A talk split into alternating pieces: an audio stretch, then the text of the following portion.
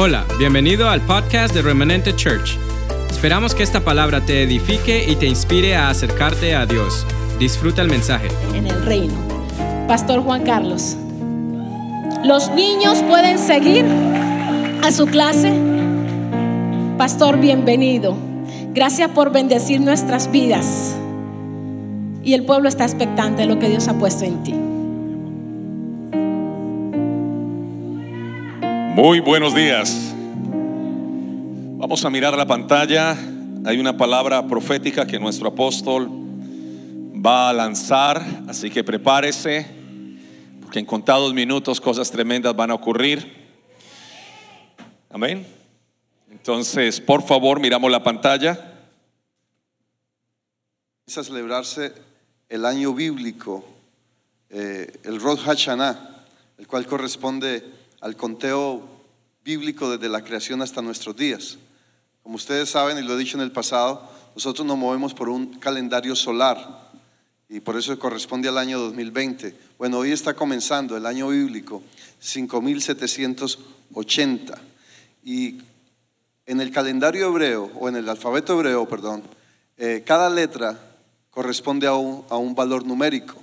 Este año, ese 5780, la década de los 80 corresponde a la letra Pei.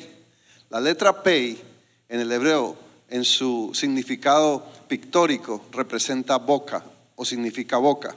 Lo que quiere decir que a partir del diseño y del mover profético para esta nueva década de parte de Dios, dice que Dios hablará a su pueblo, que Dios continuamente hablará a su pueblo. Juan 10, 27 dice que mis ovejas oyen mi voz y me siguen. Así que será una década de fortaleza. ¿Por qué? Porque el 80 es la edad máxima donde el hombre alcanza la mayor fortaleza emocional y espiritual. Si bien, es lo que la Biblia eh, eh, eh, insinúa, si bien físicamente el hombre a los 80 años quizá ah, se debilita, pero emocional y espiritualmente se fortalece, por lo tanto, fortalece, perdón. Por lo tanto será una década, un tiempo donde la iglesia será fortalecida. Dios traerá fortaleza sobre su pueblo y nos hará fuertes. Significa también que Dios nos multiplicará en todo, Dios nos incrementará en bendición sobre la familia, sobre la iglesia, en nuestras finanzas, en nuestros proyectos, en nuestros planes, en nuestros sueños, a partir de Él. Dios hará que la iglesia sea eh, una iglesia de avance. Dios además revocará todo ataque que el enemigo eh, ha estado haciendo contra la iglesia. La iglesia no está desprotegida, será un tiempo, será una década donde la iglesia podrá operar en autoridad y tomar el lugar que le corresponde territorialmente de parte de Dios. En esta década hablaremos lo que Dios habla. Ya no oiremos la voz u otras voces o, como estamos acostumbrados a, buscar siempre primero la opinión de alguien. No, será una década donde buscaremos escuchar la voz de Dios. Una, una, una, una década, escucha, donde con el chisme y la murmuración no dañaremos el testimonio y la reputación de otros, sino que dañaríamos nuestra propia reputación y nuestro propio testimonio. Un ciclo donde habrá mucha creatividad, porque cuando Dios habla se libera creación, se libera creatividad. Dios dice que Él romperá nuestros límites, donde confesaremos lo que Él dice de nosotros y no lo que el enemigo o que otros dicen.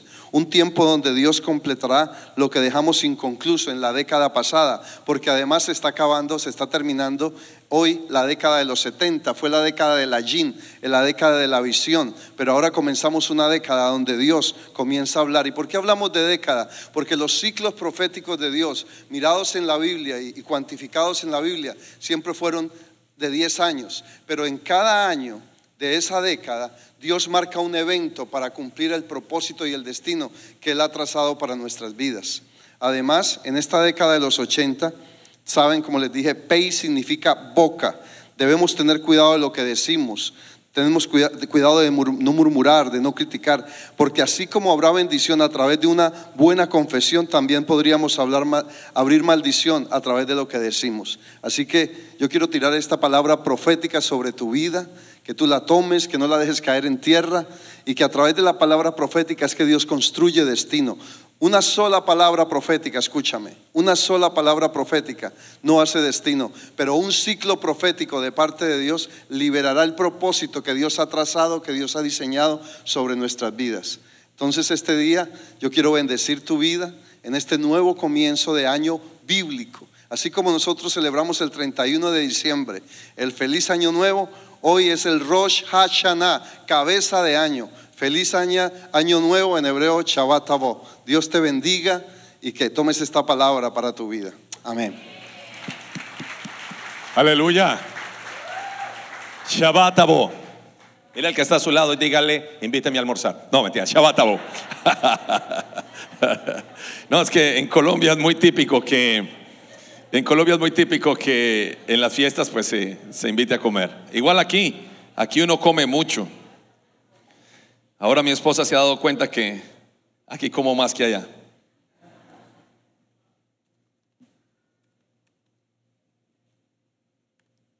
Muy bien. Diga conmigo desenmascarando al enemigo. Es un seriado que escribí de predicaciones para cinco semanas y yo lo voy a resumir para usted en 35, eh, 40 minutos. ¿Le parece bien? pedimos al Espíritu Santo que nos haga operar en sabiduría, en conocimiento y cosas poderosas sucedan en este lugar. Señor, traiga liberación, traiga restauración, traiga impartición sobre ti, sobre tu casa, toda esta semana. A través de esta palabra, liberaciones se produzcan, rompimiento de ataduras. Esta semana caigan velos y operemos en la revelación del Espíritu. Amén. Desenmascarando al enemigo. Es hora de quitarle la máscara que usualmente usa el enemigo y poder traer una revelación clara de lo que Dios quiere hacer. También de cómo el enemigo opera que muchas veces como que se te olvida y que es necesario que yo te lo recuerde en esta mañana. primero que hace el enemigo por mucho tiempo ha operado es a través del sistema religioso que él ha establecido. Y la Biblia dice en Apocalipsis 18:2, vamos allí por favor, ya todo lo he preparado para esta mañana, pero usted puede abrir su Biblia y síganos en las pantallas que va a encontrar algunos versículos allí. Apocalipsis 18:2 dice, gritó a gran voz, ha caído, ha caído, la gran Babilonia se ha convertido en morada de demonios guarida de todo espíritu maligno, el nido de toda ave impura y detestable. Entonces la Biblia habla de la gran Babilonia.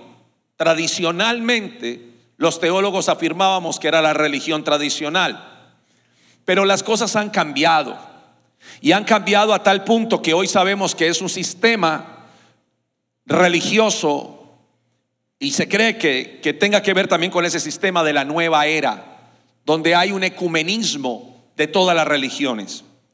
Es algo terrible. La Biblia dice que caerá todo sistema religioso pagano para que, para que merca, para que crezca lo que es realmente el reino del Señor. Amén. Ahora, en cuanto a la religión, ¿qué realmente llevar una religión o, ser religioso? ¿Qué realmente es?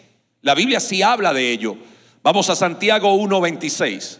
Y Santiago escribe y dice, si alguno se cree religioso entre vosotros y no refrena su lengua, sino que engaña su corazón, la religión de tal es vana.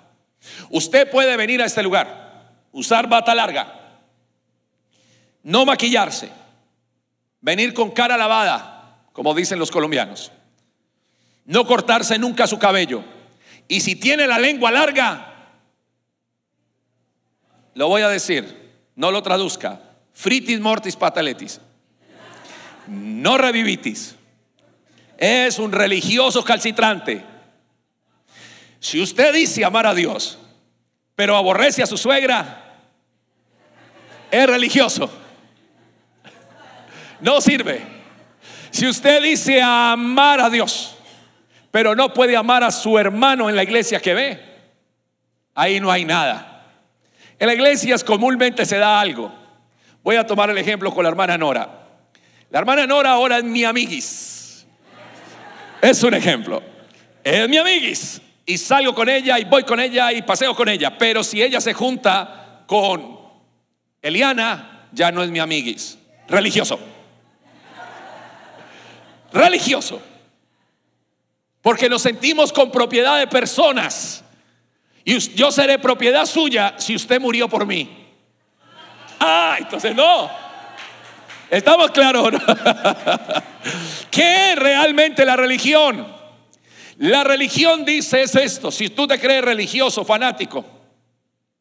Si tú dices, yo sí, el traje que tengo sí me hace... No, no. Usted refrene su lengua. Porque podría pararse aquí otra persona con otra pinta, la que sea, eh, o con otro traje. Pero si esa persona es una persona que sabe hablar, que no es chismoso, esa persona es de reino. No importa si se paran los pelos. Pero si usted viene con traje aquí, que Nicole, que ni lo conozco, y usted no refrena su lengua, nada hizo.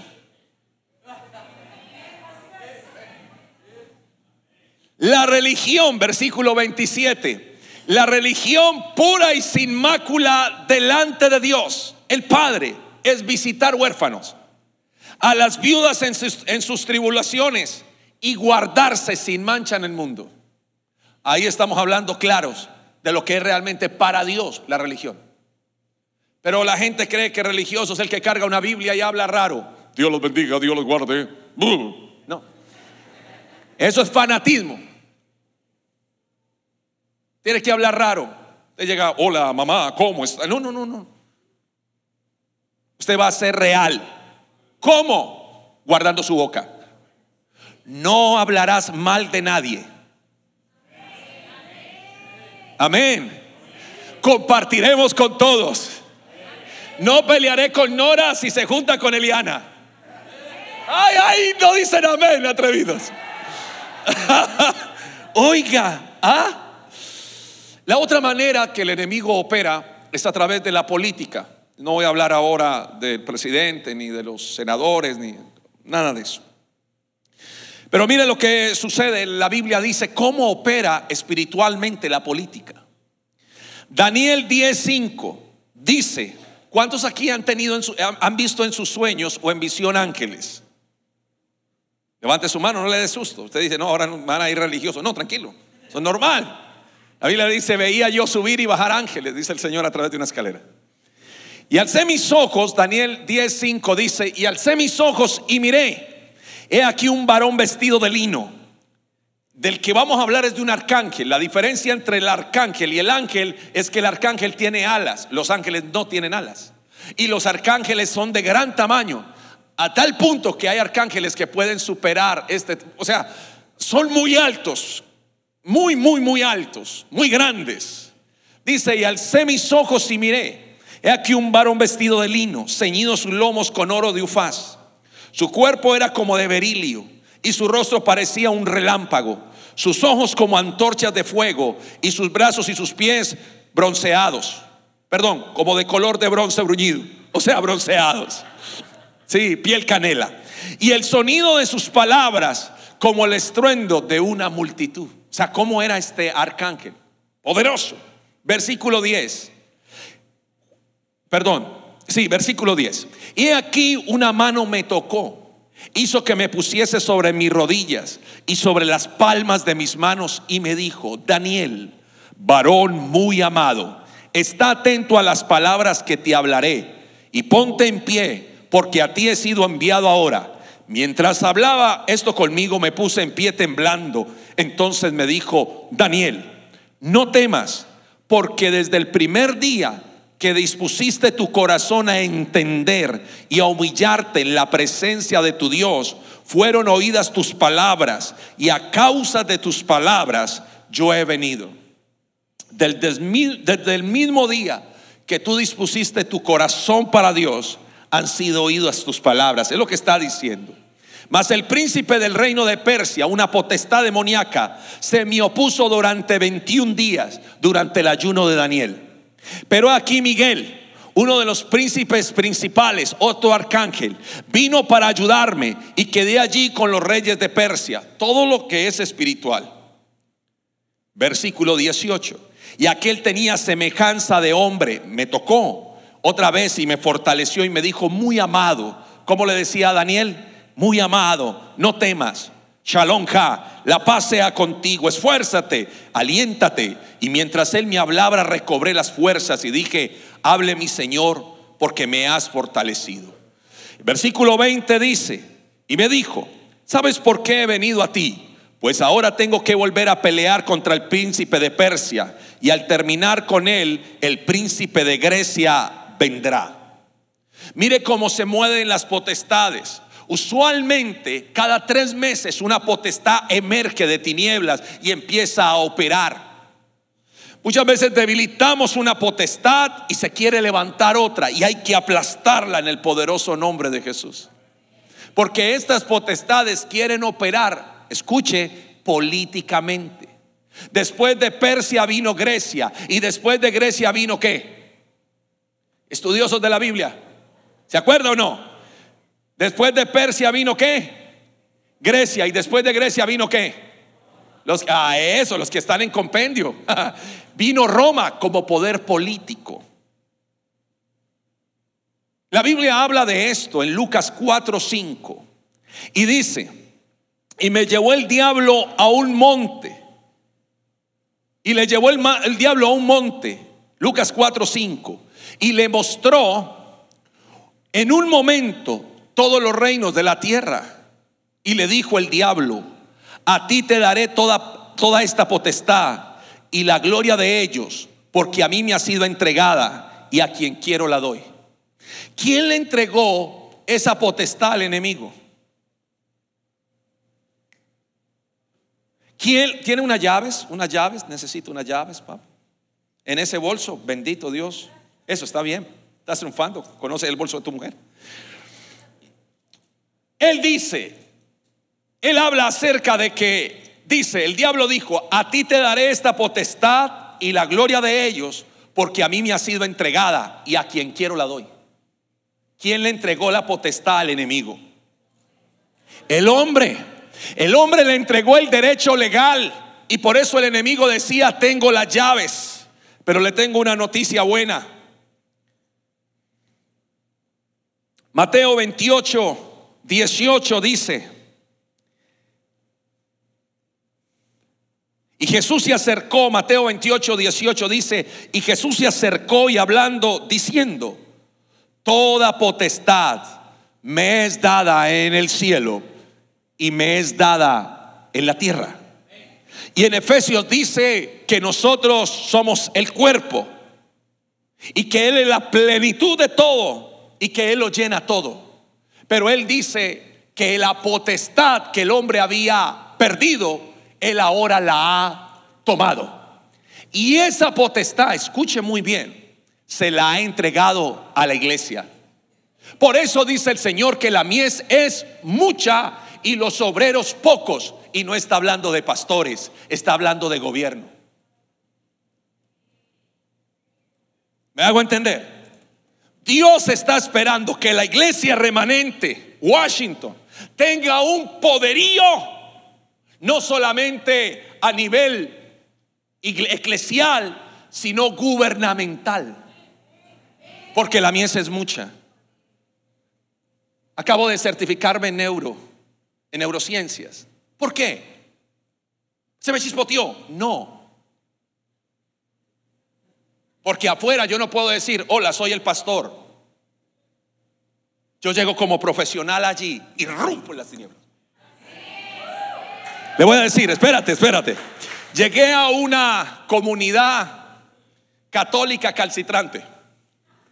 Allá no entra ningún cristiano, entré yo, como profesional. Y la monjita me dijo, yo creo que usted es un hombre de Dios.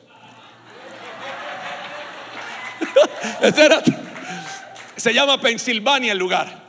Aquí hay un Pensilvania. Allá también, ¿qué creen? Allá también, no crean. Irrumpimos porque Dios nos ha entregado las llaves. Revuelque el que está a su lado y dígale, Dios te entregó las llaves. Otra manera en que el enemigo opera es a través del dinero. Primera de Timoteo 6:10, vaya allí la escritura. Primera de Timoteo, Pablo le habla a Timoteo y dice, porque raíz, raíz de todos los males es el dinero. ¿Cuántos dicen amén? No, ¿y cómo puede decir eso?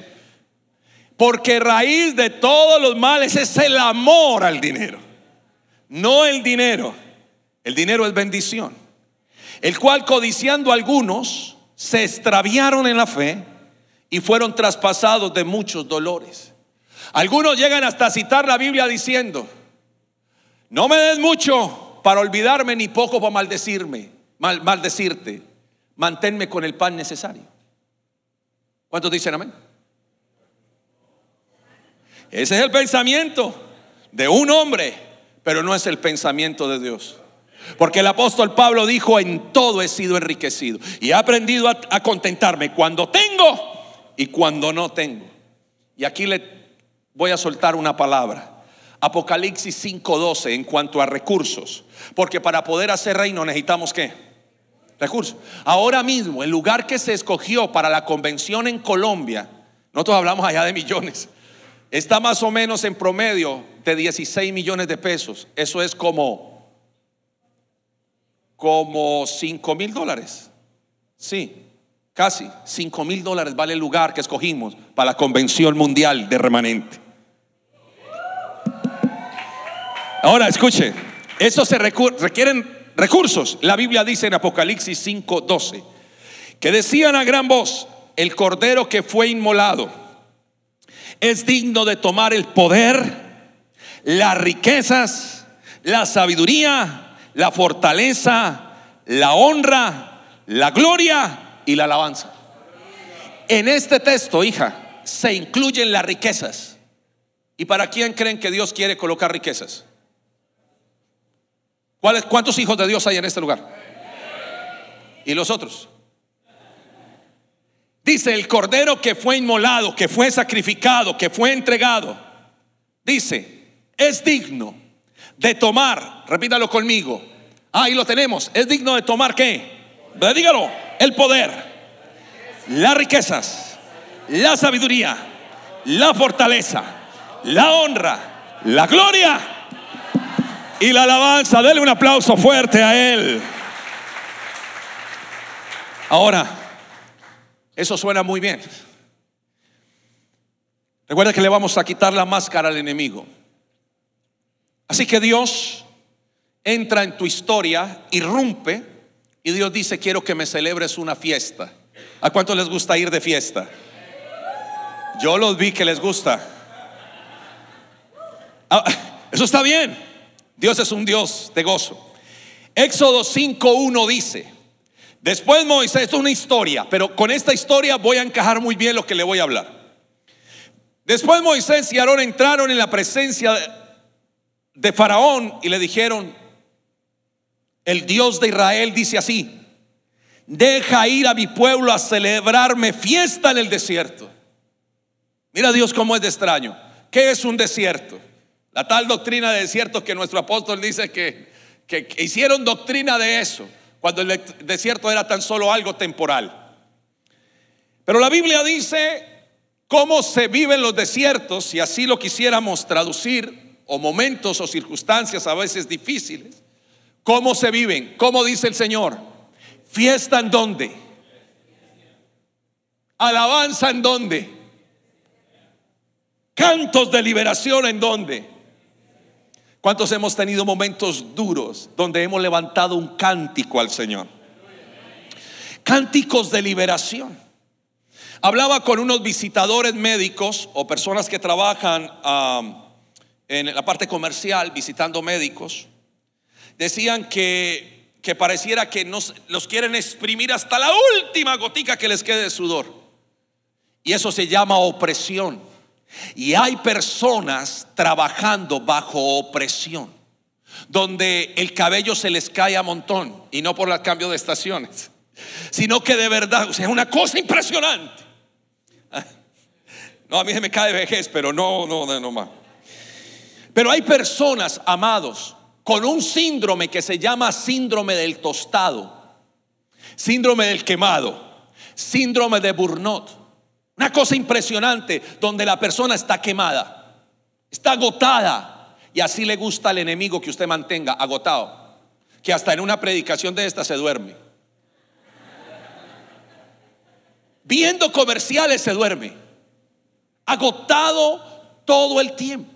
Entonces, cuando Moisés y Aarón sueltan la palabra y dicen, deja que mi pueblo me celebre fiesta en el desierto, el enemigo sabe qué hizo, les puso más carga. Por eso cuando usted dice, ahora que tengamos este negocio, esta empresa, vamos a ser libres para ir todos los días a la iglesia si queremos. Y el enemigo viene y coloca qué? Opresión para que usted no pueda. ¿Sabe cuánto tiempo duró la salida de Egipto? ¿Cuánto tiempo duró, le duró a Israel salir de Egipto después de que Moisés y Aarón dieron la palabra?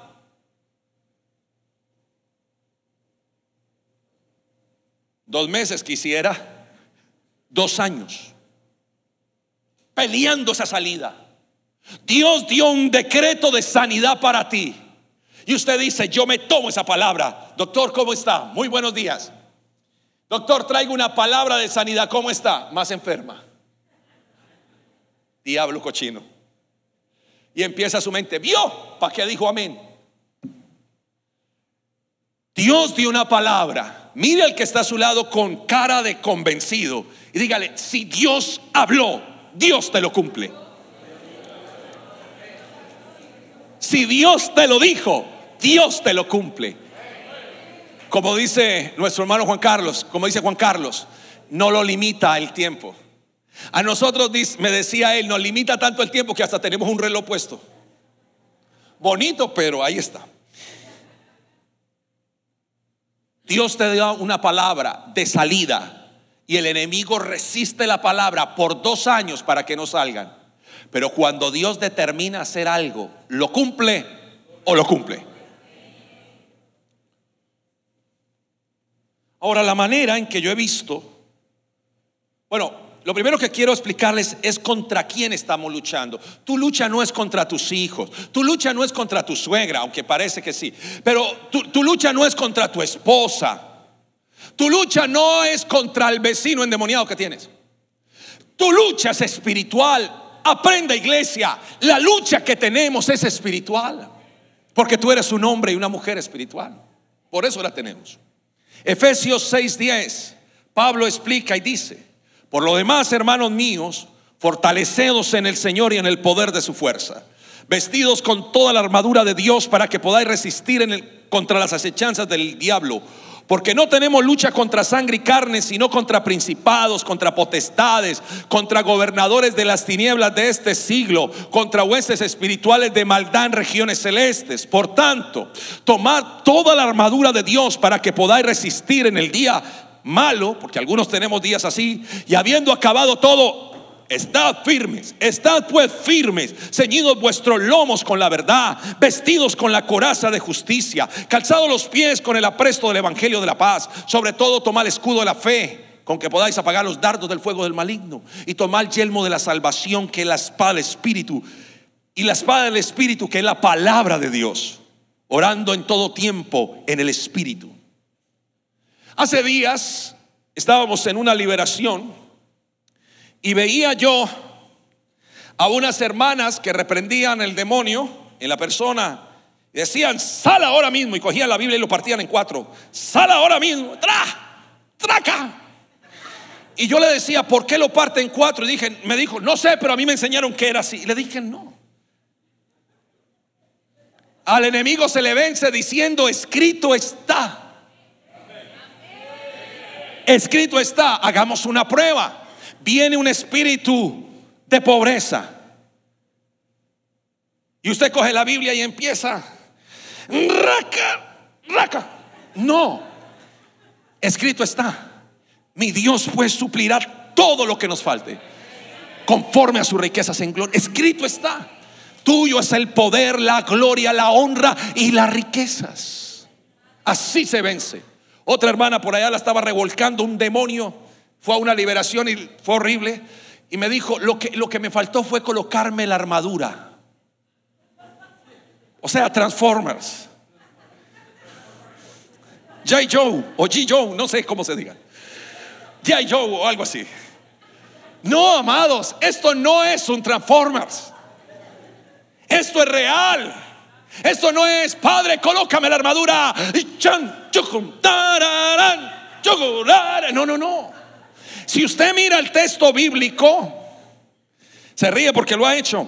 Eh, dice la Biblia, tomad la armadura, ceñido vuestros lomos con la verdad. ¿Cuáles son los lomos? Muéstrame los lomos.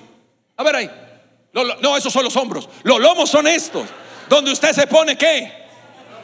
Es decir, Dios dice, vas a enfrentar al enemigo. Sí, lo voy a enfrentar en el nombre de Jesús. Te vas a ceñir tus partes íntimas con la verdad.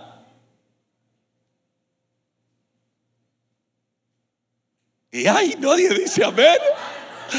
Está bien, no, esta predicación no es para que usted diga amén, tranquilo, yo lo entiendo. Luego dice, mira esto, colocado la coraza de qué? De justicia. ¿Por qué? Porque usted va a ir a enfrentar un demonio. Yo estoy odiando. Termina el demonio diciéndole, ¿usted qué me va a decir? Si usted es peor que yo. Si usted va a ir a enfrentar demonios, soy del equipo de intercesión.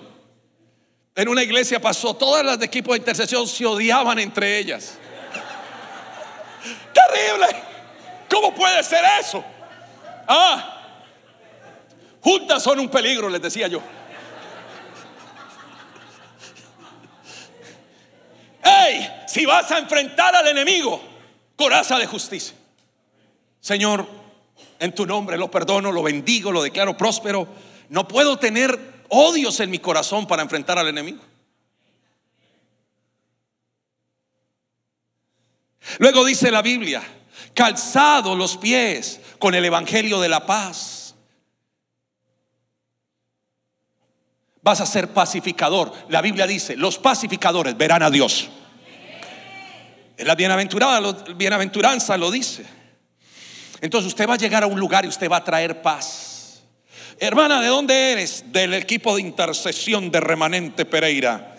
Wow. Pero su casa es un infierno, sí, pero el Señor, no, no, no.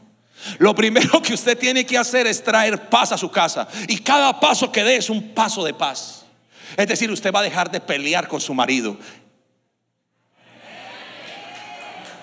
Eso, aplaude, aplaude. ¿eh? Amén.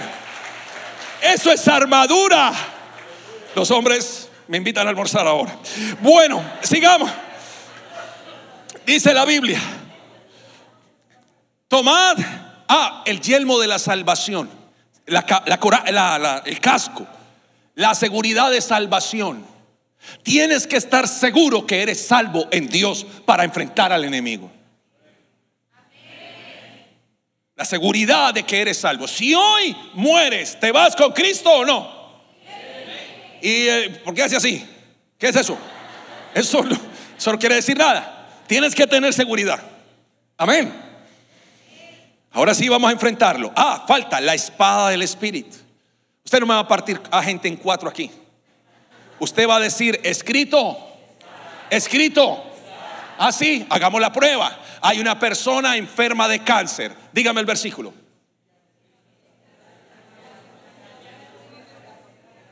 Por su llaga, mas el herido fue por nuestras rebeliones, molido por nuestros pecados.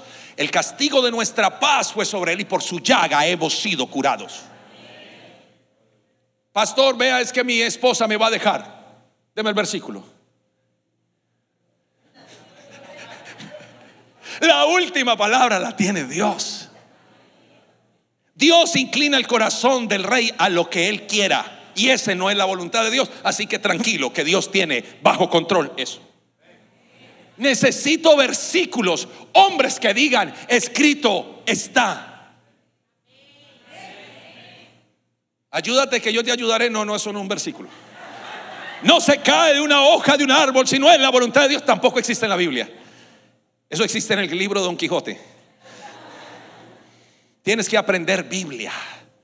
Lleva cinco años en la iglesia, le dicen Génesis y arranca para Apocalipsis. Oh, no, no, no, no, no. Tienes que aprender qué. Y son bien chistosos, como pura generación milenio. La tengo en el celular. Es que aprender a, a estudiar la palabra. Amén. Ahora sí, enfrentemos al enemigo. Equipo de intercesión de esta casa porque son violentados por el enemigo. Claro, Él quiere que peleen, que discutan, que, que, no se lleven entre ellos. Como ya lo descubrimos, le quitamos la máscara, diablo cochino. Vamos a unirnos, vamos a amarnos. Iglesia remanente, ustedes están para cosas grandes. Porque la unción que corre aquí, corre allá. La misma unción, el mismo Dios. Revuelque el que está a su lado y dígale el mismo Dios. O yo tengo un Dios más grande allá que acá. No, no, no, no, no. Tienes que moverte en esa misma unción, donde se multiplica la iglesia como, como hormigas. 15, 20, 30 personas. Ahí está mi esposa que no me deja mentir y los que nos están siguiendo. 15, 20 personas, 30 personas semanales llegan a convertirse a los pies de Cristo. Así acontezca. Unos minutos más encontré que el enemigo suele operar trayendo estupor a la iglesia. Y traduje hasta el texto en hebreo para que, para que sepa. Es la palabra catatonía o catanuxis, que quiere decir adormecimiento del cuerpo. Personas que se le adormece el cuerpo y no porque está dormido mal, sino que de verdad lo, paraliza un vaho le tira al enemigo y queda como paralizado, adormecido. Eso es diabólico. Y en el nombre de Jesús, personas, escucha esto, personas que con un ministerio tremendo y el enemigo ha adormecido sus ministerios. Pero en el fuego del Espíritu de esta mañana declaramos que esos ministerios se levantan, se avivan en el nombre de Jesús. Pero espera, escrito está, yo tengo que darle los versículos antes de que aplauda. No aplauda antes. Romanos 11:8. Romanos 11:8 dice, como está escrito, Dios les dio un espíritu de estupor, ojos que no vean, corazón que no sienta, ojos, oh, pero eso no lo dice, pero sí dice oídos que no oigan. Hasta el día de hoy, dice David, se ha vuelto su convite en trampa y en red, tropezadero y retribución. Se han oscurecido sus ojos para que no vean y agobian la espalda para siempre. Espíritus de estupor a causa de iniquidades que muchas veces estamos manejando y que no hemos enfrentado eso. Es hora que ese estupor caiga en el nombre de Jesucristo. Personas que, que de verdad parecen adormecidos. Otra manera en que el enemigo opera es el doble ánimo o doble personalidad o bipolarismo. Es más, hay cristianos diciendo que son bipolares cuando eso es algo terrible. Porque el bipolarismo, el bipolarismo es una deficiencia cognitiva de serotonina y de dopamina. Usted a veces se ríe y a veces llora, eso es normal, eso no es bipolar, eso es ser humano, normal. Pero hay personas que manejan su vida en una tibieza espiritual tremenda y hay personas que manejan su vida en un doble ánimo. Está el ánimo de Dios y está el ánimo del enemigo también ahí metido. Y la Biblia dice, y si a usted le pasa eso, que usted se prende, decimos en Colombia, rodado. Es decir, que usted arranca y dice, sí, ahora sí, lo voy a hacer. Y una semana después se le olvida el compromiso que hizo con Dios. Pero si eso está pasando en la casa, en esta mañana declaro que ese espíritu cochino de doble ánimo tiene que salir de tu vida. Lo desenmascaramos, lo encontramos, tiene que salir. En el tiempo de Nehemías, él enfrentó un, un enemigo llamado Tobías. Y él se fue unos años y cuando regresó, ¿sabe dónde se había metido el enemigo? Había emparentado, se había casado con la hija del sumo sacerdote. Y el sumo sacerdote tan querido les había hecho una habitación donde guardan los diezmos, las provisiones.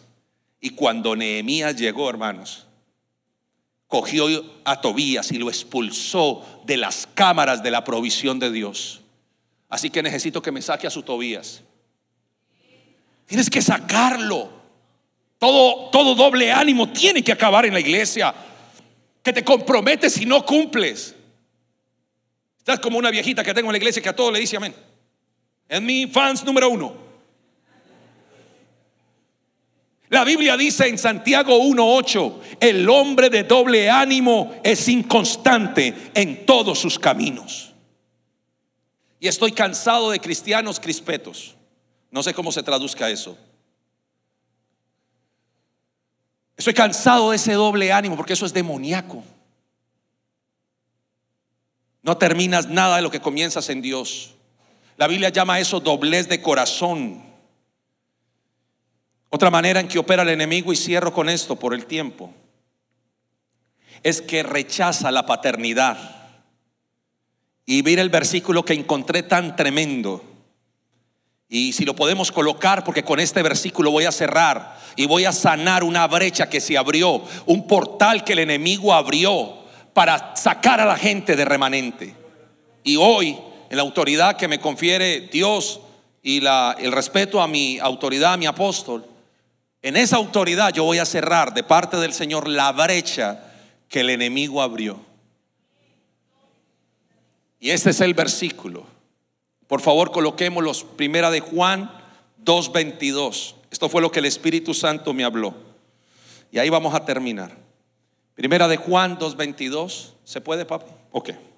Primera de Juan 2.22 dice, ¿quién es el mentiroso? Por favor, revuelque un momento al que está solo. Revuélquelo ahí. Y dígale, ¿quién es el mentiroso? Porque mucha gente se ha burlado de la paternidad de esta casa. Pero mire lo que dice la Biblia.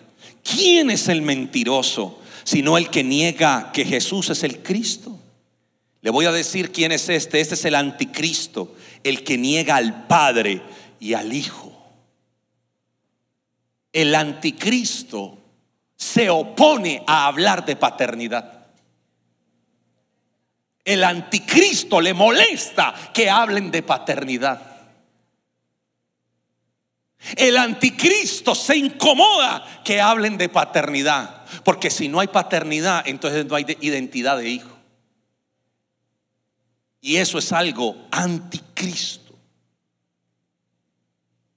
Pero porque ahí hablan de padre, pero ¿por qué mencionan, dicen papá? ¿Por qué dicen Padre Celestial? O sea, la gente que opera bajo un espíritu del anticristo, la Biblia lo llama mentiroso.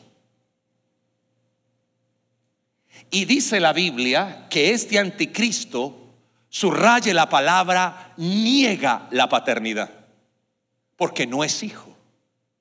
Y hay otro versículo que dice, el hijo queda para siempre, el esclavo no. En esta casa, para que entiendan los que han llegado por primera vez, en esta casa se habla de paternidad. Se habla de identidad de hijo. Porque usted pasa de ser esclavo a hijo. Se habla de heredero. Se habla de promesas. Se habla de reino en esta casa. Lo contrario a eso es mentira. Porque eso mentiroso siempre se opondrá a la paternidad. ¿Sabe antes que había antes de la paternidad? Muchos se levantaban como cabezas de iglesias, como una pirámide, y todos le rendían culto a ese. Sin ese no se podía hacer nada. Pero venida la paternidad, la paternidad no es piramidal, la paternidad es, es, es, es visionaria, es como un avión, piensa en un avión, ve que hay una punta adelante, ¿verdad? Él va adelante y todos nos movemos bajo esa misma unción. Así es esta casa. Dios ha puesto un apostolado para naciones. Y todos nos hemos estado moviendo a lo que Dios quiere hacer. No es piramidal, no es un culto a un hombre. Esta casa tiene padre. Y la casa paternal revela identidad de qué? De hijo. Entonces la paternidad es bíblica y la identidad de hijo también. Por eso el apóstol Juan escribe y dice, ¿quién es el mentiroso? Sino el que niega que, que Jesús es el Cristo. Y dice, este es el anticristo, que niega a quién. Y que niega a quién? Al Hijo. Muchas cosas que han estado operando en tu casa son demoníacos. Estoy hablando con un hombre. Él entró a la oficina, no le había dado cita. Se sienta petulantemente en la oficina. Y le dije, lo acostumbro antes de atender a alguien, no importa qué, me gusta orar. Y cuando mencioné al Hijo y al Espíritu, que ¡ah! era un satanista que había entrado allí. A veces no te das cuenta que lo que estás luchando es demoníaco. Cuando es demoníaco que se empieza a repetir. Empieza a repetir ciclos de iniquidad, cosas que tú ya habías dejado, vuelven y tocan a qué? Tocan a la puerta a ver si pueden entrar. Porque cuando el espíritu inmundo, dice el Señor, cuando el espíritu inmundo sale de la persona, se va a lugares desérticos, pero luego quiere volver. Y viva Jehová en cuya presencia estoy, que me dice el Señor en esta hora que hay personas que dejaron pecados atrás, cosas atrás, que han vuelto a caer en eso mismo. Pero esta mañana le quito la máscara a eso. Recuerde que Satanás busca destruir no una pareja, sino un hogar, un ministerio y unos hijos. Así que todo aquel que haya vuelto a cosas como perro al vómito y marrano al fango, todo aquel que haya vuelto a cosas que había dejado, en esta hora eso se rompe en el nombre de Jesucristo. Toda depresión que ha vuelto a tocar a la puerta. Toda depresión que ha vuelto a tocar a la puerta. Otra vez esos, esos, eh, otra vez esas no, no son emociones, sino esos cuadros clínicos que se han vuelto a presentar en tu vida. Y el enemigo viene y te dice, es cáncer otra vez. Pero esta mañana le quitamos la máscara al enemigo y le decimos, escrito está. El Señor aplastará en breve a Satanás. Escrito está, en breve. Eso que te dice tienes que irte de la iglesia. Aquellas voces que no reconocen paternidad, que operan bajo un espíritu del anticristo, de orfandad. Porque hay algo que no tiene y es al Padre Celestial. Todo aquello que opera en orfandad. Recuerda el hijo pródigo. ¿Qué quería el hijo pródigo? Tomar todo e irse. Y se nos olvida todo lo que Dios ha estado haciendo con esta casa. Y nosotros que venimos de naciones damos testimonio de que esta casa es real. Ella y la paternidad que ustedes tienen. Así que toda, todo lo que ha estado operando de opresión, porque ahí tengo, son 30 páginas de predicaciones, pero la opresión, que usted se acuesta y se le acuestan encima, despierte pues todo eso en el nombre de Jesucristo. Declaramos que la palabra que es viva y eficaz, que penetra hasta partir el alma, las coyunturas, los tuétanos, o sea, la de eh, la médula ósea, que penetra, hoy declaramos que se activa esa palabra, que quita todo velo, que quita toda máscara y que revela al Hijo y revela al Padre que realmente es. Y todo aquello que no tiene paternidad ni identidad de hijo es anticristo.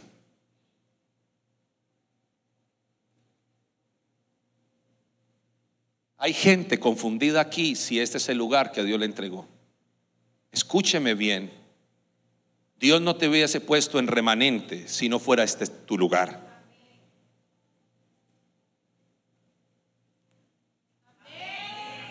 Esta es tu casa.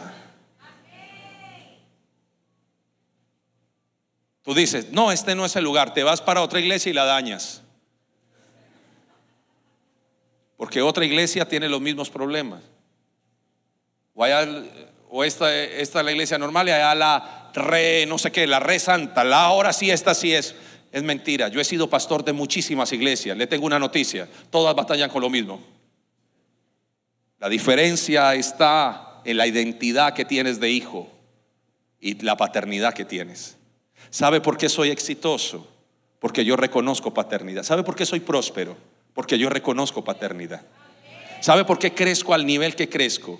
Porque mucha gente se ha atrevido a decir, no, pastor, es que usted es el que hace todo en Colombia. No, hermano cabezón, no soy yo. Es la paternidad, la cobertura que tengo de aquí de la casa que hace que tenga más respaldo y autoridad allí. Porque cuando, eh, no, espérate, espérate, le te digo algo que es importante. Cuando yo fui a abrir Pereira, yo no quería abrir Pereira. Yo me quería venir para acá. Y el apóstol ayunamos, habíamos pasado siete días de ayuno. Cuando yo llamé al apóstol le dije, papá, y me dijo, debes de irte a Pereira. Yo no quería abrir Pereira. Le dije, ¿estás seguro? Solo requiero que tú estés seguro. Entrego Manizales y me voy a Pereira si tú estás seguro. Y me dijo, Dios ha hablado. Vete a Pereira que Dios te prosperará. Mire la hermosa mujer que me regaló allá. Tienes que, ahora entiendes, no soy yo. Cuando tú tienes, reconoces paternidad, Dios te va a proteger a través de la autoridad que Dios te ha entregado. Ahora Pereira somos, espérate esta convención, van a ser más de mil. Entonces alguien dijo, es que usted, no, no, soy yo. Somos una casa. Tu victoria es mi victoria. Tu dolor es mi dolor también. ¿Entiendes? ¿Sabes qué quiere el enemigo? Sacarte. ¿Sabes qué quiere el enemigo? Que abortes tu propósito. Declaro hoy que queda desenmascarado. Dios te dio un propósito y ese propósito se cumplirá. Todo espíritu de doble ánimo en tu vida, todo lo que te lleva a comprometerte y nunca cumples, ni años cumples. Todo estupor, todo adormecimiento, que uno le habla, ah, ajá, como adolescente, ajá, no, los adolescentes de aquí son avivados, llenos de Dios. Pero hay adolescentes que uno les habla, ¿qué más? ¿Cómo va? Todo estupor se va. Toda opresión con que has estado viviendo. Declaro hoy que les... ¿Sabes qué dice? dice que Dios quebrará el cetro del opresor. Dice, quiebro el cetro de tu opresor. Y a causa de la unción, el yugo se pudre. Todo yugo con el cual has estado batallando, hoy se pudre en el nombre de Jesucristo. Se pudre, se rompe. Hay mucha palabra contenida en este lugar. Y cada año que vengo, o cada mes que, bueno, los meses que vengo, siempre me pregunto, ¿cuándo? revuelque el que está a su lado y dígale, ¿cuándo? Vamos, dígaselo, ¿cuándo? Levántate tú que duermes.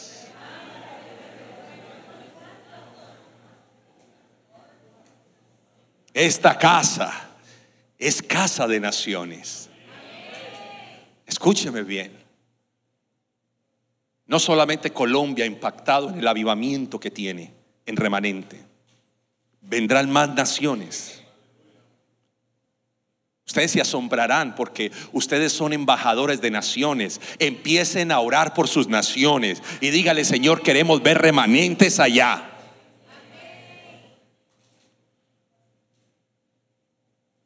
Así que en el nombre de Jesucristo, toda enfermedad que se esté repitiendo, hay personas que están repitiendo enfermedades hasta hoy, se seca esa enfermedad en el nombre de Jesús.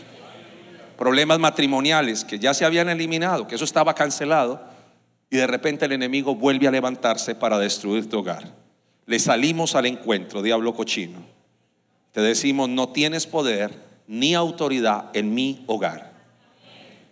Tus finanzas, Nuevamente el enemigo intenta tocarlas por desobediente, por no dar a Dios lo que es de él. Pero en esta hora pedimos perdón al Señor y nos volvemos a Él y declaramos que tenemos finanzas de reino. Nuestros hijos. Hace días me llamó una hermana, pastor, mi hija acaba de declarar que es lesbiana. Eso complica mucho los hogares. Cuando hablaba con la joven, le pregunté por qué lo dices y me dijo, porque en el colegio dicen que yo lo soy. Le dije, no, tú eres una hija de Dios. Y me dijo, ¿por qué siento esto? Y le dije, porque tú estás carente de afecto. Tú requieres volverte al Señor. No te vas a confundir en esto. Dios, Dios es grande y Dios dio un destino para tu vida. Dios lo va a hacer. Y no estoy en contra, no, no odio a las personas con esta... Yo los atiendo todos los días. pero mi casa, mi destino de mi casa se cumplirá. Y esta casa, que es como, como lo vi estos días en oración aquí en la mañana, como un río que salen, ríos salen de este altar para alimentar naciones. Y yo declaro en el nombre de Jesús que estas aguas del Espíritu están limpiando tu vida. Así que si tienes que pedirle perdón a alguien, es hora de que le pidas perdón, porque no irás más allá hasta que no resuelvas esa actitud negativa que tienes con tus hermanos. Amén. No puedo predicar más, se ha ido, el tiempo es suficiente. Puestos en pie.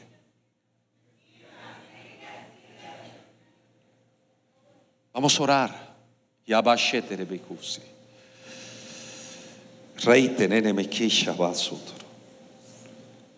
Rajusi tenene mesheta. Causi te recotorumos. Hablen lenguas, hablen lenguas del Espíritu, dice la palabra. Oren en el Espíritu, hablen lenguas del Espíritu en este momento, en el nombre de Jesucristo. No.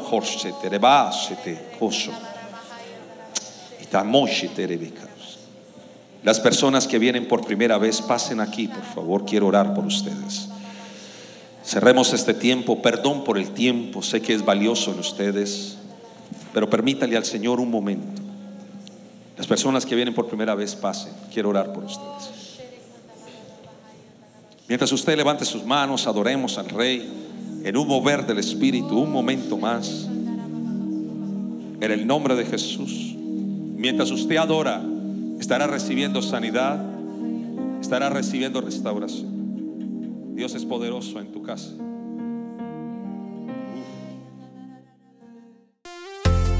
Esperamos que este mensaje haya sido de bendición. No te olvides de suscribirte a nuestro podcast y seguirnos en Facebook e Instagram arroba remanente church.